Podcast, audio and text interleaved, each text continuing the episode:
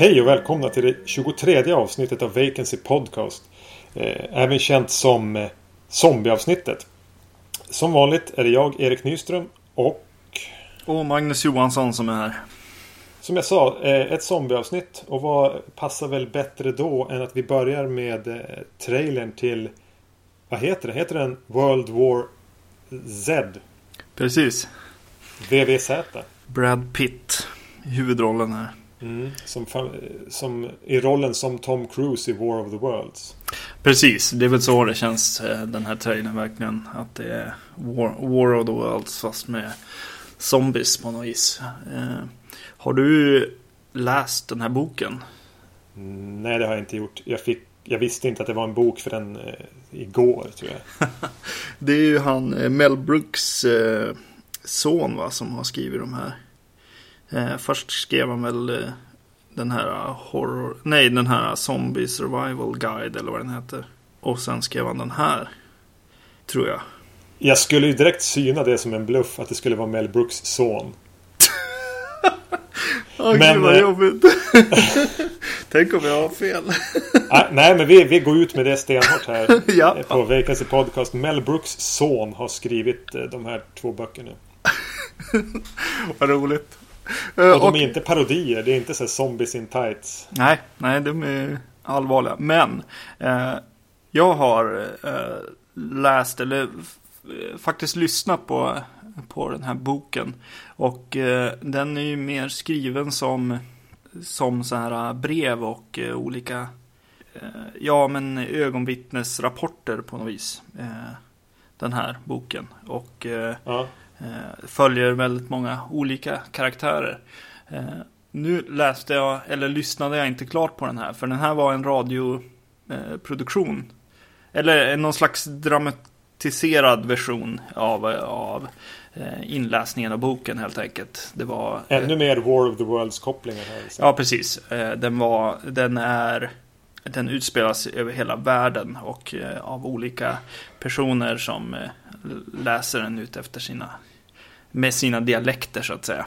Eh, det som fick mig att sluta lyssna på det här var att eh, alla som läste de här eh, rapporterna Ja, de läste det liksom med sin dialekt så att säga. Men det, det kändes hela tiden som att det var samma person som hade skrivit det här. Vilket blev en krock. Jag tror att hade man bara läst den här så hade det eh, varit eh, mer okej okay att eh, att det är samma, en slags, ja jag skulle väl kalla det en amerikansk röst på något vis. Eller tankesättet, eller sättet att prata engelska på helt enkelt. Eller att formulera meningar på. Eh, vilket, ja, vilket krockade då helt plötsligt när det var. Och då var det så här fejkade franska brytningar eller så här Ja, precis. Och, och, och en kines som inte kunde säga R eller? Ja, ja, men i princip så ja. Eh, vilket blev då så här, ja okej, okay, den som har skrivit den här boken har inte alls tänkt liksom på att de ska ha en egen röst på något vis. Eh, i, även i text. Eh, vilket då ja, var en liten negativ sak för den här boken. Eh, men som förmodligen då inte känns av på samma sätt om man läser boken själv. Nog om det. Eh, trailern här. vad, vad tyckte du om trailern? Den, den lämnade mig fullständigt likgiltig. Mm. Eh, alltså, som jag sa. Eh, War of the Worlds fast eh, med zombies. Eh, och zombies som verkar bete sig som myror. Ja, precis. Jo, de har ju eh, designat någonting här. Där, där någon verkligen har haft eh, idén av att det här ska vara Hela, hela den här zombiehorden ska vara en, en organism på något vis. Eh, som sitter ihop och, och rör sig i unison. Så det är någon slags kommunistskräck igen här alltså? Just det. Ja. Kommer den att heta Det våras för zombies i Sverige? uh. Nej, förlåt. Eh, Nåväl, eh, jag vet inte när den kommer på, på bio i Sverige. Har jag inte letat efter något premiärdatum och jag känner väl kanske inte att jag kommer att eh, stå först i kön för att se den. Eh, det beror på mycket på vilka recensioner den får men trailern fick mig i alla fall inte att, att längta. Det kändes ganska Michael Bay eller mm. Eller ja, War of the Worlds. Steven Spielbergs War of the Worlds. Väldigt mycket som den, ja. Precis. Men vi har sett två andra zombiefilmer i det här avsnittet. Och vi har sett eh, The Dead från 2010 och Nightmare City från 1980. 30 år mellan filmerna. Mm. Eh, The Dead. Eh, jag, jag pratade med lite folk som, som är lite så här. Ändå lite intresserade av skräckfilm på jobbet. Och, men eh, ingen hade riktigt hört talas om den. Eh, det enda vi kunde konstatera var ju att de hade ju verkligen eh, lyckats få till en titel som liksom är förvånande att, att man får rättigheterna till på något vis. Ja, att den inte redan var eh, paxad. Ja, precis. Det här var efter några av de allra första avsnitten vi gjorde av podcasten så fick vi ett mail från en som heter Roger. Som eh, ja, föreslog lite filmer som man gärna skulle höra att vi pratade om. Eh, The Dead var en av dem. Så eh, en sju, åtta månader senare kommer vi till skott. Det här har även varit en film som jag har haft någonstans i bakhuvudet att jag vill se. Jag vet att de, eh, Mondo Movie-podden pratade om den. Eh, om de hade sett den på en eh, Frightfest eller någonting. Mm. Och var väl ja, men någorlunda positiva. Och den fastnade någonstans i, hu i, i huvudet. Och jag, sen fick vi den här requesten och jag har som tänkt att jag har velat se den. Men sen ska vi passa in det i ett, i ett tema och känna att vi känner oss sugna också. Så det kan ta lite tid. Eh, därmed, därmed, däremot ska man inte misströsta med att faktiskt be oss om att eh, prata om filmer. För förr eller senare kommer vi nog nästan alltid dit. Ja, absolut. Men som sagt, The Dead från 2010. Eh, eh, extremt enkel handling. Eh, den utspelas i Afrika. En amerikansk ingenjör som har varit stationerad där via militären hamnar mitt i någon form av zombie outbreak. Och vill ta sig därifrån. Han slår följe med en, en afrikansk soldat som letar efter sin son och de färdas genom den afrikanska vildmarken. Där det är fullt av zombies.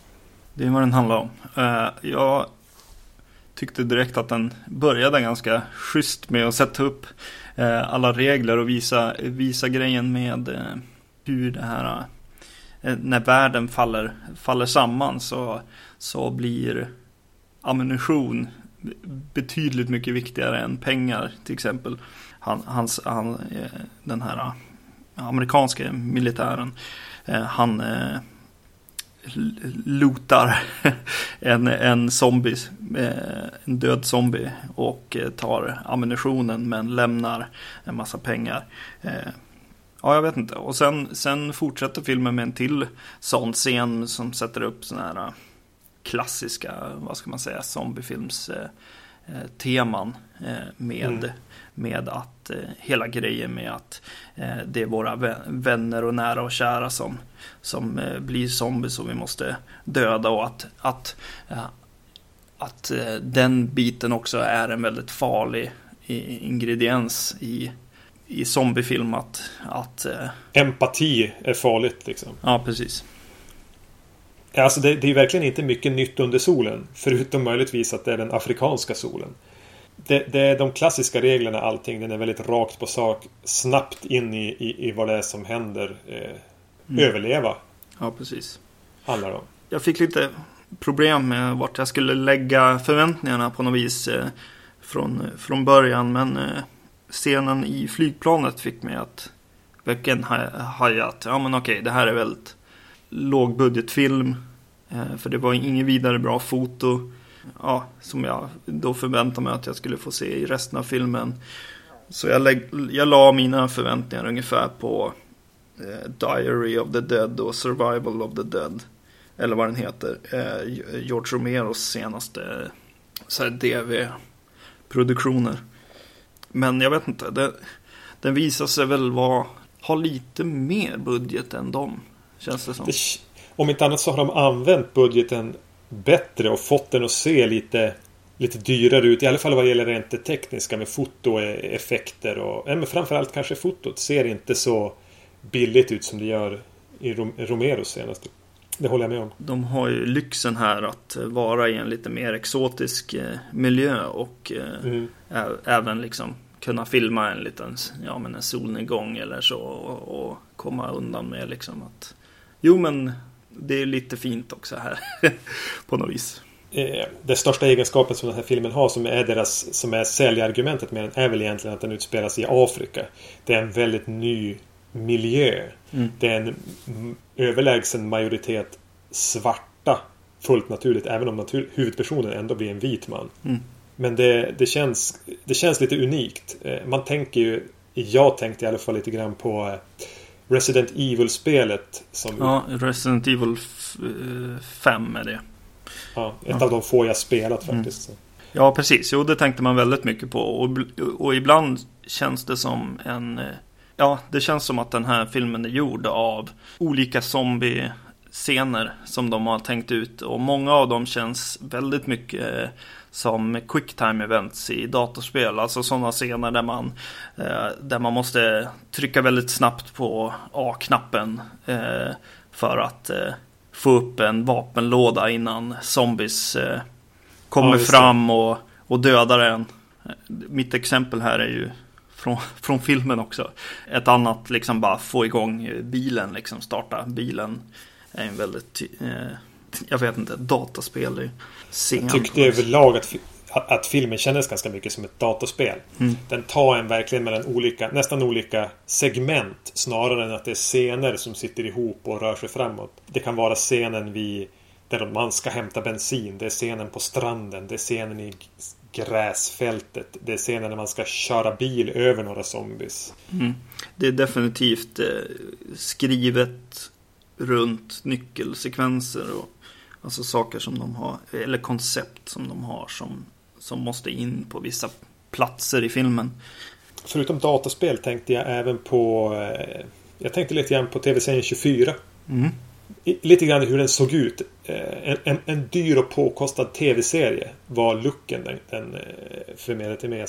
Och det var lite samma känsla som i 24 förutom just det här realtidsklippandet. Men mm. jag, jag tänkte det hur kamerarbetet, hur de följde med karaktärer som gick med pistoler som ett eh, zombie-säsongen av 24 i Afrika. De gjorde väl en 24-film som var lite lik också. Någon sån här mellan två säsonger grej.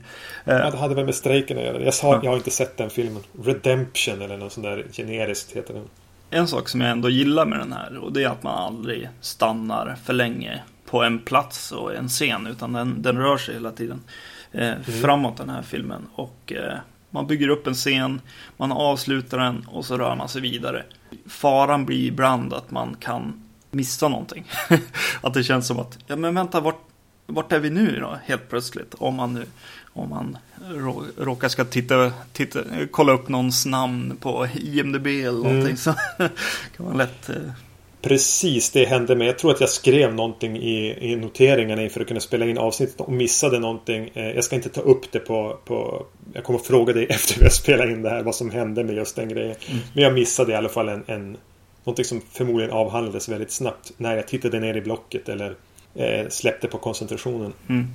För det blir ju lite, lite monotont med det här. Alltså det finns inte så mycket för dem att göra annat än att kasta in zombies i olika situationer. Just det här på något sätt, det här äh, att den inte rör vid så många saker under vägen på något sätt så, så blir jag ändå nyfiken av filmen. Att jag, jag känner att jag vill veta vad, vad som kommer hända. Eh, jag börjar förvänta mig en redig punchline på slutet medan jag ser den här filmen. Som, som, som jag tycker har ett bra ja, skapar ett bra driv. Jag vet inte riktigt vad, vad, vad det beror på. Jo, förmodligen just det där att ja, men det är bara, bara zombiescen efter zombiescen. Så, så snart, snart händer det någonting. Snart vänder det, känner jag. Kände du att du fick någon punchline där? Jag tänker inte kommentera det, tror jag. Det kanske är bäst. Det jag tycker är värt att notera i många av de senare zombiefilmer som kommer så har de ju låtit zombiesar börja springa igen för att vara ett snabbare, lite mer effektivare hot. Mm. Mm. Medan i den här, i The Dead, så är det verkligen snigelsombies. Ja, precis. extremt långsamma. Och jag känner direkt att jag gillar det bättre. Ja. Eh, det, det, är någonting mycket mer hotfullt och obehagligt med att de är så långsamma. Men man vet att det spelar ingen roll för de är dels så många och de är så obevekliga och förr eller senare kommer människan som kan springa ifrån dem inte att orka längre. Nej. Det fungerar som på ett nästan ett symboliskt plan också med den här långsamma undergången för, för, för, för mänskligheten. Mm. Alltså att det, det, det, går kanske inte fort men det, det, kom, det, det är ändå kört. Ja precis och det, det understryks ju av att hur öde mark de än kommer till så att säga så, så står det ändå en, en, en zombie och så kommer det någon till liksom. Eh, så det går, det går inte att komma undan. Det går inte att gömma sig till slut. Eh, för att det finns så mycket människor som kan bli zombies i världen på något vis. Ja, man kan, jag, jag satt och funderade faktiskt över, över realismen i att även om de verkligen är näst, i princip ute i öknen på savannen, alltså där det så dyker det, finns det alltid några zombies där. Mm. Men det ska man väl kanske inte tänka på hur realistiskt det är utan snarare att det faktiskt är en del av, av symboliken i, i filmen som du säger. Ja, det fanns eh, några scener jag vill nämna sådär. Att, eh, det finns lite roliga scener också. Alltså, den är väldigt seriös på något vis, den här filmen. Eh, den, den, den håller sig från att bli rolig tycker jag. I många, ja, många den, fall. Jag vet inte om de, om de inte riktigt vågar prova eller om Ja, jag vet inte, för den är ju inte så här. Det är ju inte the road eller någonting. Alltså det är ju inte jättetungt heller. Utan den håller sig på någon slags medelnivå. Men eh, det finns en, eh, en sekvens där, det, där en av de här männen håller på att somna vid ratten. Eh, som jag tyckte var ganska kul på något vis. Eller det blir kul i kontexten av allt annat på något sätt den ena killen säger så här, ja men jag kanske skulle köra, du ser lite trött ut. Så jag bara, nej, nej men det är, inget, det är ingen fara. Och så sen klipper han väl en eh, zombie där med bilen. Och bara, mm. nej men, jo men förresten du kanske, det kanske är bäst att du kör.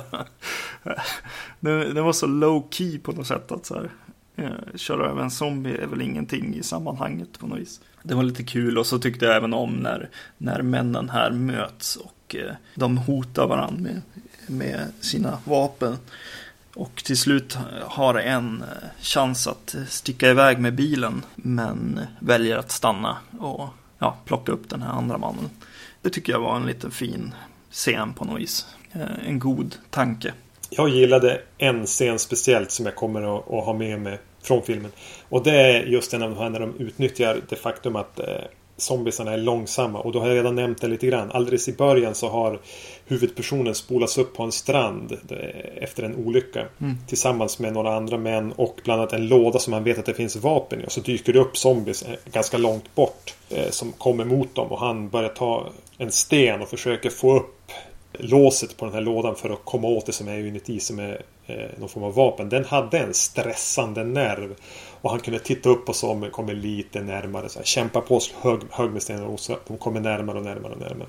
Mm. Jag tyckte den fungerade bra. Jag tyckte den var väl... Eh, jag blev stressad av den fall. Mm. Jo, den var bra. Jo, eh, den kommer man ju... Ja, som du säger. Komma ihåg. Den var minnesvärd. Och även att det fanns andra karaktärer i den scenen som gjorde det intressant. Däremot eh, tycker jag inte att han som spelar huvudpersonen. Jag har inte kollat upp vad skådisen heter. Jag vet inte om du har gjort någon notering om det. Mm, ja, men, eh, nej, jag kollade bara. Det är bara lite sidoroller verkar det som. Jag tyckte inte han var bra. Nej. Eh, så fort han skulle prata. Mm. Så, så, tyckte jag han... Nu, nu pratas det verkligen inte mycket i den här filmen. Men jag tycker att de, han bommar repliker rätt igen. Han gör inte alls... Gör inte alls något bra ifrån sig. Nej, precis. Och jag, de börjar prata där i, i, när de träffas i bilen där. Och då kände jag direkt när jag såg det bara, ja men åh, de borde inte prata i den här filmen på något sätt. Eh, och, och, jag tror att till viss del så är det manus också. Alltså att det är inte deras styrka, de här, det är väl två bröder som har gjort den här filmen. Mm. Eh, det är mer de här scenerna, ja men collagen höll jag på att säga, nej men eh, zombie-scener som är styrkan på något sätt i vad de skriver. Eh, actionsekvenser eller vad man ska kalla dem för. Men eh, dialogen är inte kul alltså. Hade det inte varit intressantare om de hade låtit männen tala olika språk så att de inte kunde kommunicera med varandra utan att de fick göra det bästa de kunde? För nu är det ju faktiskt en, en infödd afrikan och en, en vit amerikan eh, som dock kan båda engelska, eller den afrikanska mannen kan också engelska. Hade det inte varit intressantare om de inte hade förstått varandra men ändå kommunicerat så, så gott de hade kunnat och ändå så hade vi sluppit så mycket av dialogen som inte är bra. Absolut, det hade varit mycket bättre och intressantare också. Eh, definitivt och, och, en del eh, scener senare i, i, i, filmen skulle bli mycket bättre också av det. Och en sista tanke jag hade om, om huvudpersonen eh, som jag inte tyckte gjorde någon bra ifrån sig rollen. Vem jag hellre hade velat se där spela huvudpersonen hade ju varit Hugh Laurie Ja, just det. han var lite lik han nämligen. Mm. Han är en bättre skådis helt enkelt. Mm. Och jag hade gärna velat se Hugh Laurie i en zombiefilm. Definitivt. Sammanfattningsvis om uh, The Dead. Ja, det blir en sån här medelfilm igen. Jag brukar eh, det känns som man börjar repet bli repetitiv här. Eller vad man ska säga. Att så här, ja men visst, det kan man väl se. Den är helt okej. Okay. Jag ja. tycker precis samma sak som du. Som vanligt. Är man väldigt fascinerad av, av zombiefilmsgenren så tror jag man kommer att tycka om den. Ja. Jag tror även att den kommer vara bättre än, än eh, World War Z. Ja, ja, det kan nog stämma faktiskt. Ja, det är ju faktiskt intressant när du säger det. Jag är intresserad av zombie-grejen. Jag tänkte på det att just inför det här programmet att vi inte har gjort någon zombiefilm egentligen eh, tidigare. Eh, om man, ja, Demons är väl kanske det närmaste vi har kommit. Eh, jag hade en, en period i gymnasiet där jag verkligen såg allt eh, som kom i zombie-genren och går än idag i, på så Xbox live och Playstation och sånt som användarnamn och även på Twitter heter jag Zombie Magnus. Vilket, eh, jag vet inte. Så det är faktiskt lite intressant att återkomma till genren och att vi inte har gjort det tidigare. Zombiefilmer var väl egentligen inkörsporten i hela den italienska världen för mm. oss. Eh, det började väl med Night of the Living Dead och uppföljarna till där och där någonstans dök eh, bara man får nys om de här italien Lucio Fulci och mm. kanske även Dario Argento. Ja. Vi kan eh, lämna The Dead och gå vidare mot Nightmare City men innan vi kommer till, till, till Nightmare City så har vi faktiskt en tävling som går, följer fint i temat med zombies. Det är så att man kan vinna de två första säsongerna av tv-serien The Walking Dead på DVD. Har du sett The Walking Dead? Jag har sett första säsongen. Jag vet inte varför. Ja, vad som händer egentligen. varför jag inte ser vidare. Det känns som att den, den, den måste bli ännu längre. Den känns som att den hela tiden lever i fara. Från eh, filmbolag eller tv-bolaget känns det som. I alla fall i, i det man hör på podcast och annat. Eh, så känns det som att, men ja, man kan inte vara riktigt säker med den. Känner jag. Nej, den kommer att bli nedlagd inom någon säsong också. Ja. Jag har sett de två första säsongerna eh, och nu ska jag väl inte hålla på och tala illa om priset i våran tävling. Mm. Men andra säsongen är verkligen inte bra. Första säsongen, mm, den är rätt, rätt schysst. Men andra säsongen var eh, mycket, mycket medioker. Jag har hört bra saker om tredje säsongen som har börjat gå men Mm. Den inkluderas inte i den här tävlingen. Som sagt, säsong 1 och säsong 2 av The Walking Dead på DVD kan bli din. Om du svarar rätt på min lilla fråga som jag har knåpat ihop och eh, ja, vi kan börja med frågan. I vilken film träffar vi på zombien Bub? Alltså, i vilken film träffar vi på zombien Bub? Och eh, för att eh, göra det här lite mer kreativt så vill jag även att eh, när, vi, när ni skickar in svaret kom ett förslag på ett tema till eh, Vacancy Podcast. Två filmer med ett sammanhängande tema som ni vill att vi ska prata om. Så är det väl mycket möjligt att vi gör det också. Men som sagt, i vilken film träffar vi zombien Bub och ett tema på två filmer som ni vill att vi ska prata om. Maila in svaret till eh, podcastet vacancy.se så kommer vi att tillkännage en vinnare om några avsnitt. Mm. Det här påminner mig även om att vi gjorde ett desperat försök att bli av med eh, Ubaldo Terzani Horror Show i någon slags diffus tävling efter att vi hade sågat. Jag tror inte vi har fått in en enda Nej. Ett enda bidrag där. Eh, så den ligger kvar här. Så den tävlingen är fortfarande öppen för, för bidrag. Nåväl. Mm. Nåväl, precis. Nightmare City. På tal om italiensk eh, zombiefilm. har vi sett den här från 1980. Och det vad heter han? Um, Umberto Lenzi? Så? Ja, Umberto Lenzi. Ja, som har eh, gjort den. Eh, den går ut på att eh, en tv-journalist ska till en flygplats och möta en, en vetenskapsman, tror jag. Som man ska intervjua. Flygplanet som han anländer med nödlandar på den här flygplatsen och man vet inte varför. Man anropar det här flygplanet och får inget svar. Till slut kommer militärer och eh, polis eh, dit och eh, öppnar flygplanet och det väller ut zombies ur planet och panik i hela staden följer. Lite parentes jag kan slänga in innan vi går vidare med filmen. Att vi hade just bestämt att ja, men The Dead, vi ser den tillsammans med Nightmare City. Mm. Eh, veckan efter så var min sambos bror och hälsade på oss och han Olof som eh, jag vet lyssnar på, på podcasten och sa Och från ingenstans sa han bara Nightmare City borde ni prata om. Så egentligen är det här också en, en request. Även om vi hade bestämt oss redan innan att vi skulle prata om det. Mm. Grejen med den här är väl egentligen att de här eh, zombiesarna är inte helt vanliga långsamma zombies. Eh, utan de eh, springer, de skriker, de skjuter och de är med blodsugande eh, zombies som har vett nog att torka sig om munnen efter att de har ätit eh, eller druckit blodet egentligen. Det känns väldigt eh, tidigt med att eh, variera eh, så, så extremt mycket som de gör i den här filmen. Det är väl egentligen, vad ska man säga, 28 dagar senare som, eh, som folk ser som den här första springande zombies-filmen egentligen. Eller? Missar jag någon?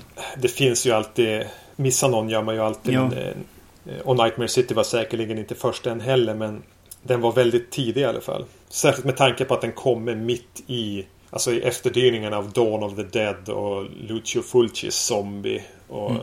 Det är lite lustigt nu att vi, vi tar upp en film från 2010 med långsamma zombies och en film från 1980 med springande zombies. Mm. Även om de här är kanske egentligen inte zombies, de strålskadade människor. Ja, precis. Uh, uh, han är väldigt inspirerad av, uh, av Romero här Eh, Eh, känns det som. Särskilt i början hur, eh, hur den byggs upp den här filmen. Eh, den är väldigt eh, Dawn of the Dead på något vis. Eh, Tv-sättningen och så vet det även att de använder tv-kommentatorer som, eller nyhetsankare som presenterar premisser som, som den här radioaktivitetsstrålningen på något sätt. Som ska vara någon slags bakgrundsskvaller om vad som komma skall på något vis. Den försöker sig även på då att, att eh, lite sam, samhällskritik eller kritik av mänskligheten eh, representeras. Jag tror det är två eh, monologer som någon karaktär, två olika karaktärer håller om hur hemska vi människor är egentligen. Mm. Som känns ganska påklistrade och, och stolpiga. Men mm. ändå den, återigen ett tecken på att den vill ta lite grann från, från Romeros ganska samhällskritiskt laddade zombiefilmer. Mm. Det stannar väl där lite grann med just den biten. Det här är ju en riktig actionrulle samtidigt. Eh, ja, ja. Eh, scenen blir det här planet som jag nämnde tidigare. Är ju en, en riktig actionscen som sagt med mycket skjutvapen och som sådana här skjuter med automatvapen och springer fram och hugger folk med med yxor mycket det i filmen också. Det är väldigt mycket som eh, attacken i slutet på kommando eller, eller lägerattacken i rovdjuret på något sätt flera, gång, flera gånger i den här filmen. Den förflyttar sig mellan olika platser för lite zombie-kaos-action. Det är på en flygplats, det kommer på ett sjukhus, eh, det är på ett nöjesfält mot slutet. Mm, Tv-station. Tv-stationen också. Ja. Eh, precis, det är som, som, som flera små zombiefilmer i ett på något vis. Eh, ofta så, så eh, utspelas ju zombiefilmer i, i en viss miljö liksom på, i eh, gården på landet eller i vad heter det? Shoppingmålet. Köp, köpcentrum. Ja, precis. Och så vidare. Och här rör de sig mellan eftersom att det tar slut på människor i princip i de här platserna. För det är riktiga, ja som sagt, eh, explosiva eh, actionsekvenser. Med massor och massor av specialeffekter. ja, precis. Det är väldigt mycket hit and miss å andra sidan med, med dem. Eh, det är ganska låg kvalitet på en del makeup-effekter och sånt. Och, eh, min fru satt eh, bredvid mig och såg den här filmen och eh, hon, hon sa det här är de värsta effekterna jag sett. Är det här tillåtet? Frågade hon. ja, jo. Syftade hon på den här väldigt, väldigt lata zombiesminkningen? Ja, framförallt eh, tror jag. Det finns även eh, en del liksom det är väldigt, väldigt mycket kvan, kvantitet över kvalitet i den här filmen på något mm. vis. Eh, och, eh, men jag måste ändå säga att när jag sett hela filmen eh, så kan jag inte riktigt stå bakom hennes Eh, uttalanden uttalande heller. Utan en del av de här är riktigt eh, gruesome och ganska effektfulla. Och ja, ibland blev jag ganska eh, illa till mots. Men eh, det beror på, egentligen på en annan del av filmen och det är att den här är ju otroligt gubbsjuk film. Ja. Det är... Heroiska män och hysteriska kvinnor. Ja, precis. Och män som liksom stirrar verkligen på kvinnor. Och det är en gammal, gammal gubbe höll jag på att säga. Men en gubbe som har fått sig en ung kvinna. Och eh, har lite long time med henne. Och och eh, det ringer in telefon och han ska, han ska väl egentligen bli avbruten här. Men det känns nästan som att skådespelaren i sig bara, nej men jag, jag kan tafsa lite till liksom innan jag svarar. Det kändes inte riktigt bra helt enkelt det här. Men eh, det kan ju bero lite grann på eh, regissören. Han gör ganska extrema filmer helt enkelt. Vad tyckte du om eh, huvudkaraktären här? Miller, Dean Miller, reporten. Har jag sett honom i någon Lucio Fulci-film tänkte jag direkt. Han ser väldigt mycket ut som att han skulle passa väldigt bra i, i en film av Lucio Fulci. Och det som hände då var ju att jag kollade upp honom på IMDB. Och eh, det är ju den här, eh, han heter Hugo Stiglitz, säger jag rätt? Ja, Hugo Stiglitz. Ja, och eh, det visar sig ju att han har gjort han är krediterad på 225 insatser i filmer. Eh, så det, det gick ju inte att kolla upp honom överhuvudtaget. Och, och det, det är ganska häftigt alltså. Den, den enda som jag vet så här, som man som man tänker på är med, har varit med i hur mycket som helst annars. Det är ju, vad heter han, Christopher Lee. Ja. Eh, och han, jag kollade upp honom också, han hade 274. Eh, så han var ganska nära här, den här Hugo. Hugo Stig, jag kollade, kikade också lite på det. är tydligen en mexikansk eh, skådis som var något sån där stor på 80-talet och är väl kanske inte känd för kvalitet utan det är mycket kvantitet där.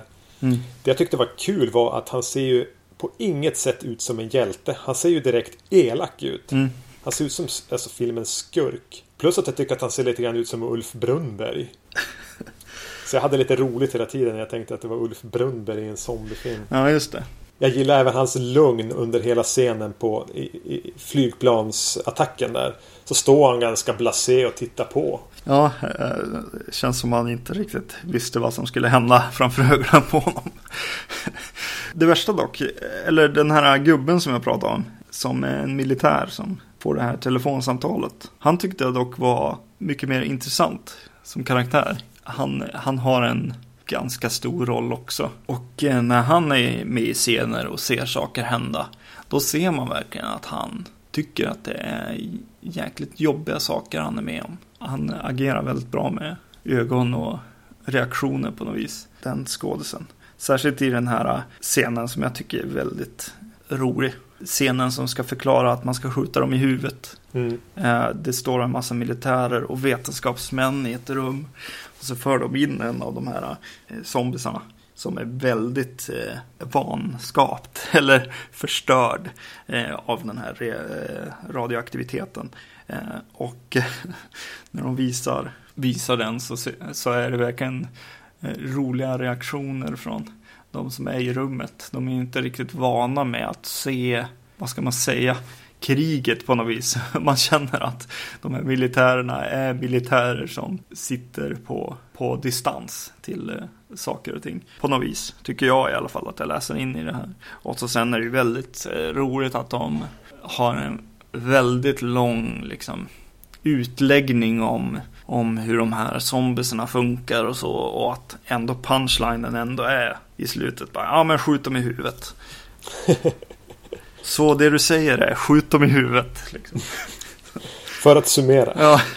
När, som jag berättade inledningsvis då, Olof eh, nämnde Nightmare City som en film vi borde prata om så tog han upp en scen som kommer mot slutet av filmen. Jag känner inte att det är en spoiler att nämna den. Det är när de rusar in i en kyrka.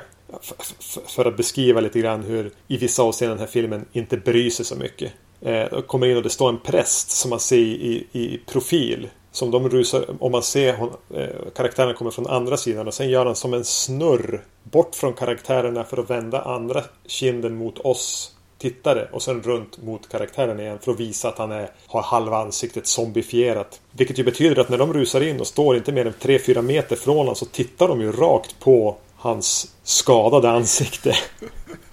Men de reagerar inte på det förrän han har snurrat ett eh, trekvarts varv och visat oss det. ja, det är roligt. Eh, det påminner mig om en gång när vi var på, eh, om det var, var det Stockholms filmfestival den gick på? Eh, den här Toolbox Murders. Jag höll på att säga Lucio Fulcis, eh, Tobe Hoopers. Ja, precis. Remaken på den. Ja, jo, det var på Stockholm filmfestival. Ja, härligt. Där är en kvinna som går in i sitt eh, rum. Eh, det står en soffa i förgrunden i i bildkant. Och hon eh, stormar in i sitt rum eh, i sin lägenhet. Och så helt plötsligt så dyker, dyker mördaren upp bakom soffan från oss. Så att, och hon blir jätterädd. Och eh, jag tror vi båda hoppade till där också. För att eh, där skulle det ju inte kunna vara en, en mördare som överraskar henne. Hon borde ju rimligtvis ha sett honom hela tiden. Ja, precis. Eh, det är en lite liknande grej här. Ja, man fuskar som filmskapare. Ja, precis. Eh, den här filmen är ju, är ju, ganska full av fusk och små genvägar och eh, lite att den inte riktigt bryr sig. Mm. Eh, om man skulle använda engelska så, så, skulle man kalla den för trash. Mm. Översatt till svenska skräp vet jag inte riktigt om jag vill använda. För den har ju ett bra tempo, den har ju ett underhållningsvärde. Den är ju ganska rolig att titta på. Mm. Medan den, den egentligen inte har speciellt mycket kvaliteter. Nej. Just att titta på, när du säger det så, så måste jag ändå kommentera att de har, den är ju filmad i väldigt wide eh, screen, den här. Ungefär som John, John Carpenters filmer. Cinemascope. Cinemascope, ja. Vilket ger en, en ändå en, så här, en, ja men kanske en billigt sätt att göra kvalitet på, på något sätt. När man har sett den några gånger förr, liksom den här filmen, så började jag titta på liksom, ja men hur ramar de in de här bilderna och så. Och vad fyller de ut kanterna med och sånt. Och den är ganska bra filmad ändå. Men de är ju, de är ju italienare. Jag tror inte de på den här tiden, både 60, 70, 80, första delen av 80-talet, de kunde inte misslyckas med foto. Nej, känns det som. Nej, precis. Hur, hur billiga och skräpiga filmer det egentligen är så är de oftast tekniskt sett väldigt eh, men, snyggt fotade. Mm, snyggt och ljussatta ja. Och ljussatta precis. De, de kunde det där. Mm, verkligen. Även om de inte ens försökte. Det känns som att de inte kunde göra en, en ful film. Även om den här väl inte hör till toppskiktet. Mm. Det finns en bild i filmen som jag tycker väldigt, väldigt mycket om. och det är en väldigt liten bild och har egentligen inte någonting med zombies att göra. Men det är när den här Eh, Kila eh, som hon heter, eh, den här gubbens eh, kvinna, som ska låsa eh, in sig i sin, eh, sitt rum efter att han har ringt och sagt att Åh, du måste låsa in dig eh, och vänta på mig. För jag ska rädda dig, förstås. Och eh, då tittar hon ut genom nyckelhålet. Och den bilden, det man ser utanför är verkligen jag, jag, gillar verkligen deras så här, infart egentligen. Det är bara en bild på deras infart. Men man känner verkligen att oj vad de här bor lyxigt som eh, fan. Men all, alla de här pengarna och allting. Det kommer ändå inte hjälpa i slutändan på något sätt. Kände jag av den där enkla, snabba bilden så fick jag en väldigt stark så här, käns domedagskänsla. Eh, för att det var helt tomt också ute utanför. Mm. Ja, det är små saker som ibland kan, som kan funka väldigt effektivt ibland. Vilken av de här två filmerna föredrar du då? Nightmare City eller The Dead? Ja, eh, särskilt i början av den här filmen. När den var väldigt eh, gubbsjuk så blev jag lite irriterad. Men den har ju mer, den är mer unik och mer kul att, att ha sett. Den, mm. den, det är definitivt en film som man skulle rekommendera över The Dead och särskilt för skräckfilmsintresserade. Och Gore, fantaster, har, har ju någonting att se fram emot definitivt. Sen har den väl kanske då ett, nästan ett skräckfilmshistoriskt värde i och med att den i alla fall en av de tidiga filmerna popularisera springande zombies. Mm. Och nästan unik i det sättet att de skjuter maskingevär också. Mm. Farliga zombies. Mm. Vi kommer väl säkert att återvända till zombiefilmer under podcastens framtid. Ja, det hoppas jag. För det kände jag direkt när jag såg, jag såg The Dead först. Och jag bara yes, vad roligt det här är. Och det är verkligen något, något som jag känner att jag har hela spannet liksom. hela back-catalogen på något sätt sedd redan någon gång där i gymnasiet. Så det är kul att prata om också. Sa Zombie-Magnus. Mm. Vi har fått eh, ett mail från en eh, Per som har som skriver till oss och säger att han eh, tycker att det är jätteroligt att vi har den här podcasten och att han hittade oss när han, när han sökte efter några andra som ville spy galla över Prometheus. Skriver han. och ja, han kommenterar att vi i, det, i vårt Prometheus avsnitt eh, inte riktigt har koll på att eh, den här eh, att det är en annan planet än planeten i Alien som den här utspelas på. Vilket man ju på ett sätt skulle kunna ta för givet om man inte liksom håller sig lite ajour med making of grejer egentligen nästan. Eh, och specifika namn och sånt där. Och eh, han säger att eh, förmodligen så känns det som, eller han, han tycker att det känns som att de har skrivit eh, i efterhand att de så här, åh nej men just det, det här slutet, åh nu passar det inte ihop med med Alien. Oh, fan. Ja, men vi, det är en annan planet. Det, det, är, det, är, inte... det är förmodligen så det har gått till också. Ja, precis. Och så gillar han verkligen våra fredag 13 eh, avsnitt. Eh, ja, men vad kul. Kul ja. att höra. Och eh, han säger att han har missat eh, de tre senaste. Och eh, ser fram emot Jason vs Freddy. Då, som vi väl av dem lät mest intresserade av. Eh, just det. Och så ger han förslag till ett tema. Och det är den här, jo men filmcensuren och det här på 80-talet. Den här hela grejen med Videonastis eller ja, Studio precis. S? Eller? Jo, både det och även, men framförallt hur det klipptes film i, i Sverige. Och att mm. vissa verkligen blev svåra att förstå. Han, han tar upp Hellraiser som ett exempel på att, hur man inte ens liksom kunde följa med i, historien. Och exemplet från min sida är ju vet du, Evil Dead, eh, första filmen. Som klipptes så hårt att man, man inte förstod att de här, vad ska man säga, demonerna eller vad man ska säga, hoppade. I, alltså att man blev infekterad överhuvudtaget av det här. Utan att helt plötsligt så blev de bara. Det skulle ju vara spännande att få tag i några, någon riktigt hårt klippt version av både kanske Hellraiser och Evil Dead. Mm. Men hur, hur gör man det i dessa tider som dessa när allting ska vara så oklippt hela tiden? En hårt censurerad svenska VHS-utgåvorna kanske det handlar om då. Ja. Av, av Hellraiser och Evil Dead. Mm. Skulle väl vara kul att få, få tag i. Fast gärna i DVD-format. Så är det någon som har det får ni gärna höra av er på podcastetvacancy.se. Så skulle det vara ett ganska kul avsnitt att göra. Ja. Glöm inte tävlingen. Glöm inte att mejla oss på eh, återigen podcastet podcastetvacancy.se Gå in på eh, www.vacancy.se Gilla oss på Facebook. Hör av er så hörs vi. Ja, det gör vi. Hej då. Hej.